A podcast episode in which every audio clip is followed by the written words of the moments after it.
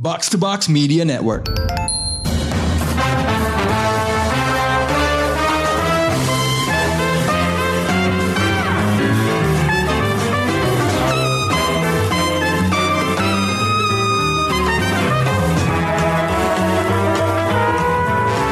Pendengar Showbox, summer movie season is going to be over dan saatnya tontonan yang lebih serius bermunculan. Ini udah biasa sih, ninggalin Agustus, film-film tuh jadi lebih dark, lebih berbobot dan lebih kesannya award season meskipun award seasonnya sendiri masih rada jauh.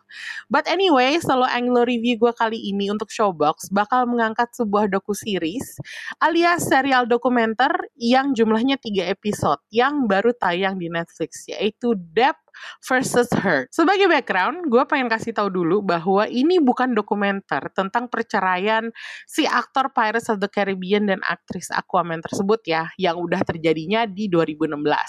Ini juga bukan dokumenter tentang hubungan mereka yang toksik selama pacaran, tunangan, nikah, terus cerai. Tapi ini khusus membahas kasus di pengadilan yang terjadi di tahun lalu dari April sampai Juni 2022. Di kasus ini, Johnny Depp mengajukan gugatan terhadap Amber Heard untuk pencemaran nama baik dan menuntut kompensasi sebesar 50 juta. Terus Amber Heard-nya mengajukan tuntutan balasan sebesar 100 juta. Sebelum gue mulai reviewnya, gue mau disclaimer aja bahwa gue bukan paha- pakar hukum. Gue nggak akan membahas aspek legal dari dokumenter ini, jadi buat yang tertarik sama aspek hukumnya, well, silakan Google sendiri di internet. Gue yakin banyak banget artikel yang udah membahas karena kasus ini sempat viral banget kan. Terus disclaimer gue yang kedua adalah tentang pasangan ini sendiri. Gue nggak memihak siapa pun di antara Johnny Depp dan Amber Heard. Tertarik sama gosip mereka aja, gue enggak gitu. gue nggak ngerti kenapa waktu itu banyak banget orang yang ikut menyulut kontroversi dengan sharing komentar dan video viral di sosmed untuk memberi opini mereka tentang kasus ini. Kayaknya netizen di seluruh dunia tuh waktu itu pengen banget tahu tentang mereka berdua. Emang sih beritanya yang sering muncul di zaman waktu mereka pertama kali cerai terus saling tuntut menuntut itu rame ya, tapi gue sendiri nggak tertarik. Yang bakal gue fokusin adalah gue dokumenternya itu sendiri yang judulnya adalah Depp versus Heard seperti tadi gue bilang. Kalau nggak salah, doku series ini sebelumnya udah tayang di Inggris di Channel 4, tapi terus diboyong lagi secara internasional oleh Netflix. Jadi pembicaraannya memanas lagi gitu jujur kalau dokumenter ini nggak tayang di Netflix, gue nggak bakalan cari dan gue nggak bakalan nonton. Ngapain juga? Tapi ya karena udah ada dan gue ada waktu buat nonton, why not? Gue emang suka sama dokumenter, jadi karena dokumenter ini available, ya udah gue tonton. Oke, jelas ya posisi gue di sini. Hal pertama yang gue catat dari dokumenternya yang digarap oleh mantan produser BBC Emma Cooper adalah dokumenter ini nggak pakai wawancara atau testimoni dari orang-orang yang terlibat langsung di kasusnya. Johnny Depp-nya nggak diwawancara, Amber Heard-nya nggak diwawancara, anggota juri, pengacara, hakim, atau saksi yang terlibat juga nggak diwawancara. Footage-nya kebanyakan diambil dari siaran langsung pengadilan karena emang trial-nya waktu itu direkam oleh kamera dan disiarkan secara langsung. Selain itu, dokumenternya juga banyak mengandalkan footage dari social media, terutama TikTok, di mana persidangan ini sempat viral gila-gilaan. Ada juga footage podcast, Zoom, rekaman netizen yang jadi konten kreator, dan lain-lain. Jadi ini agak aneh ya menurut gue. Sedikit distracting juga. Karena ngobrol nih sama salah satu teman gue, dia bilang, gue kok nonton episode 1 gak selesai ya, karena gue capek. Tapi lo nonton episode 1 cepet banget. Dan gue langsung paham kenapa. Karena kalau lo gak fokus sama persidangannya, yang lo dengerin adalah jadinya komentar netizen Amerika yang sering banget nyolot. Jadi konsentrasi tuh bisa buyar. Gue merasa format ini emang nuntut fokus tinggi supaya kita nggak kehilangan esensi. Nah malah yang ada itu adalah reaksi-reaksi yang ditampilin oleh uh, para netizen yang gue rasa agak berat sebelah.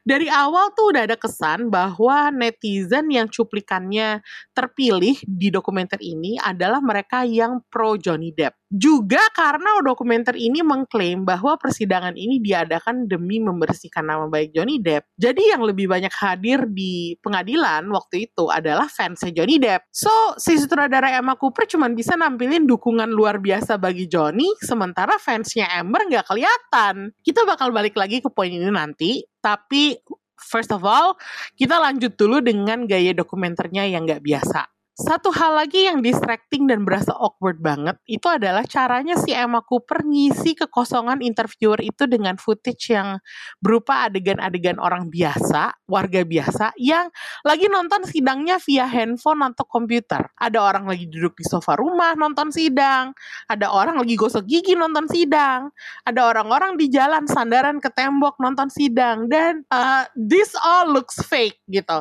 I mean I'm sorry karena orang-orang yang ngikutin berita secara random di jalanan itu itu drakor banget men.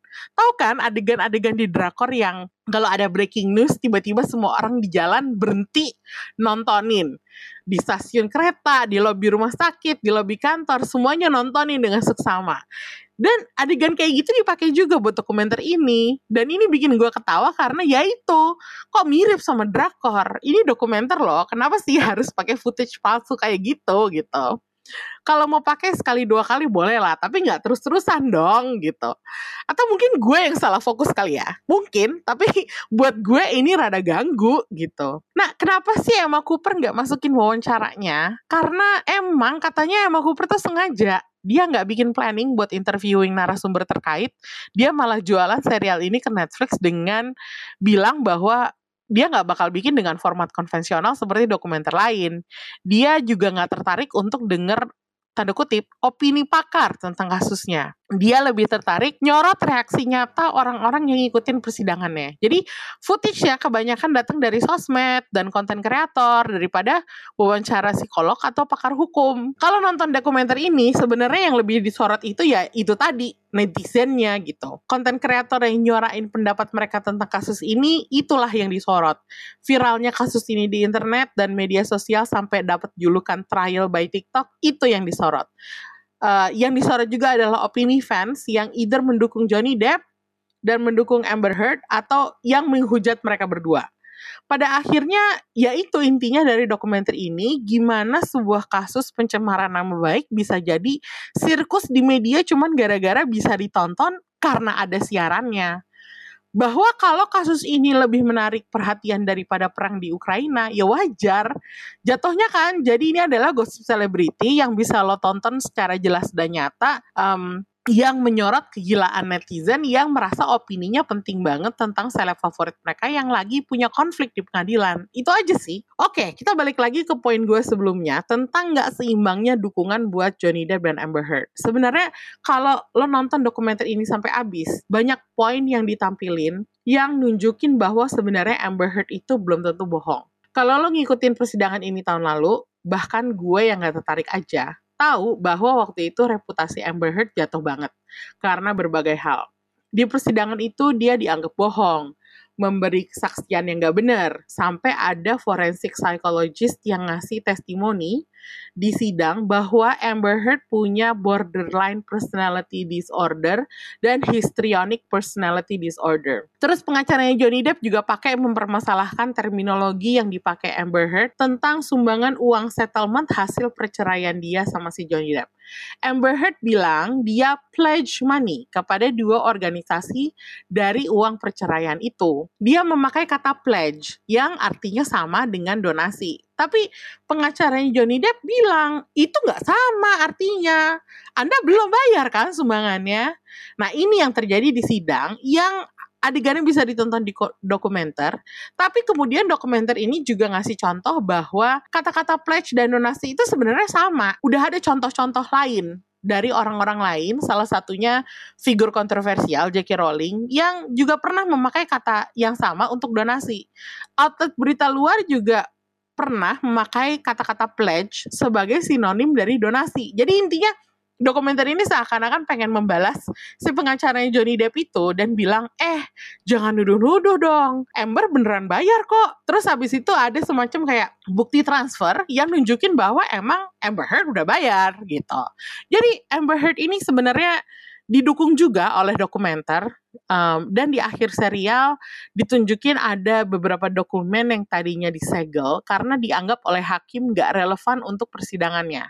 Tapi ternyata dokumen-dokumen ini mendukung kesaksian Amber Heard. Terus kenapa dokumen-dokumen itu sebanyak 6.000 dokumen malah disegel selama persidangan? Well, we will never know why. Kita nggak bakalan tahu kenapa. Yang pasti dokumenter ini nunjukin bahwa yes, ada bukti yang nggak bisa dipakai di persidangan karena dianggap gak relevan. Yang ternyata harusnya bisa mendukung Amber. So, apakah ini fair trial? Well, who knows? Emang sentimen publik pada saat itu lebih pro Johnny ya. Jadi gue inget sekilas baca beritanya di sosmed dan mikir, loh jadi Johnny Depp nggak gitu jahat ya? Tapi si Emma Cooper sendiri nih mengakui bahwa dia dan timnya kesulitan mencari materi-materi pro Amber untuk ditampilin di serial dokumenter ini. Jadi nggak heran kalau yang terlihat di layar melalui doku series ini rasanya berat sebelah. Gue nggak saranin kalian nonton Death vs. Hurt ini untuk mencari kebenaran. Nggak ada kebenaran yang terungkap juga via dokumenter ini. Yang ada, gue malah mikir, ah ini kok rasanya kita sebagai manusia malah mundur ya uh, budaya ngeliatin kelakuan netizen di dokumenternya gitu. Bukannya apa-apa, tapi kadang kalau caranya netizen Amerika berkomentar itu tuh gayanya tuh kayak si paling tahu banget gitu loh dari semua konten kreator yang tampil di sini, cuma segelintir orang aja yang opininya bisa gue toleransi. Salah satunya adalah Jahan Kalantar. Ini orang ini sepertinya pengacara dari Australia yang punya TikTok dan video TikToknya ditampilin di sini. Kutipannya menurut gue bagus banget untuk merangkum fenomena Depp versus Hurt. Tepat gitu. Dia bilang, sulit untuk menilai kredibilitas Johnny Depp dan Amber Heard karena satu alasan sederhana mereka berdua aktor. Mereka jago banget bikin orang ngerasain apa yang mereka ingin untuk rasain. Dan ini bener banget. Nonton rekaman pengadilan dan nontonin testimoni pasangan ini di pengadilan, gue merasa si Johnny tuh bisa menang, cuman gara-gara dia lebih bisa mengontrol emosi daripada si Amber. Amber tuh super emosional banget selama pengadilan. Kadang dia meluap-luap, terus terlalu banyak gerak, terlalu banyak nengok ke, uh, ke juri, jadi impactnya ke penonton tanda kutip alias juri itu juga kurang kena gitu. Nontonin kelakuan mereka berdua selama sidang juga rasanya nggak jauh beda dari nontonin mereka di film-film kayak Public Enemy atau Aquaman. Dan di tipe persidangan he said, she said semacam ini, emang kita nggak bakal tahu sih apa yang sebenarnya terjadi. Sekali lagi, dokumenter ini juga nggak berusaha ngasih kita jawaban tentang kebenaran yang terjadi antara Depp dan Heard. Dokumenter ini juga emang mungkin kelihatannya memihak Johnny Depp, tapi cuman karena materi tentang sentimen pro Depp itu lebih gampang dicari. Sementara untuk sentimen pro Heard, lo bener-bener harus konsen sama serialnya supaya nggak kelewatan caption atau tampilan transkrip gitu. Ini rada challenging, apalagi buat penonton yang nggak kebiasa dengan format dokumenter tanpa opini atau wawancara narsum ya. Jadi lo harus bener-bener perhatian ekstra terhadap apa yang muncul di layar dan merhatiin nuances yang muncul. Sejujurnya gue kurang puas nonton dokumenter ini mungkin karena hasilnya meleset sedikit dari ekspektasi. Gue tadinya pengen gambaran yang objektif beneran tentang kasusnya tapi ternyata yang lebih menonjol tuh bukan kasusnya tapi malah sirkus di seputar kasus gitu.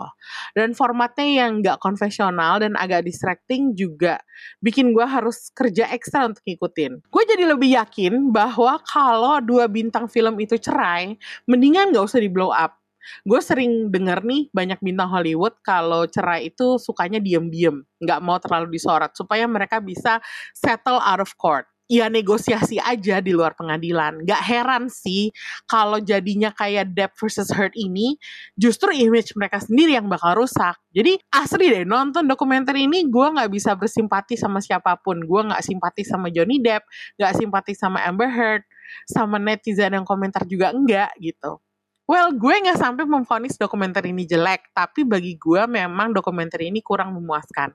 Yang bikin dokumenternya bisa ditonton adalah karena durasinya pendek, 3 episode dengan masing-masing episode durasinya sekitar 47 menit. Jadi nontonnya nggak pusing gitu. Karena kebetulan gue hari ini lagi gak banyak kerjaan, akhirnya gue bisa sempetin 3 jam buat nonton. Sayangnya gue cuma bisa kasih dokumenter ini dua setengah bintang. Tadinya gue kepikiran mau ngasih 3 bintang sih, tapi setengah bintang gue cut karena itu tadi adegan orang-orang nonton di jalan yang fake banget ala drakor yang ada di dokumenter ini. Nah, kalau lo tertarik sama kasus viral, budaya sosial media di Amerika, dan gosipers Hollywood, jelas doku series Depp vs. Heard ini wajib lo tonton. Buat yang tertarik ya, langsung aja nonton Depp vs. Heard di Netflix Indonesia. Buat yang pengen tahu kebenarannya, gue saranin cari sendiri beritanya di internet dari sumber yang lebih terpercaya. Dan buat yang nggak pengen tahu, ya udah nonton aja yang lain dan dengerin Showbox Podcast yang udah membahas berbagai film selama Summer Movie Season tahun ini. Thanks for listening and the truth is out there.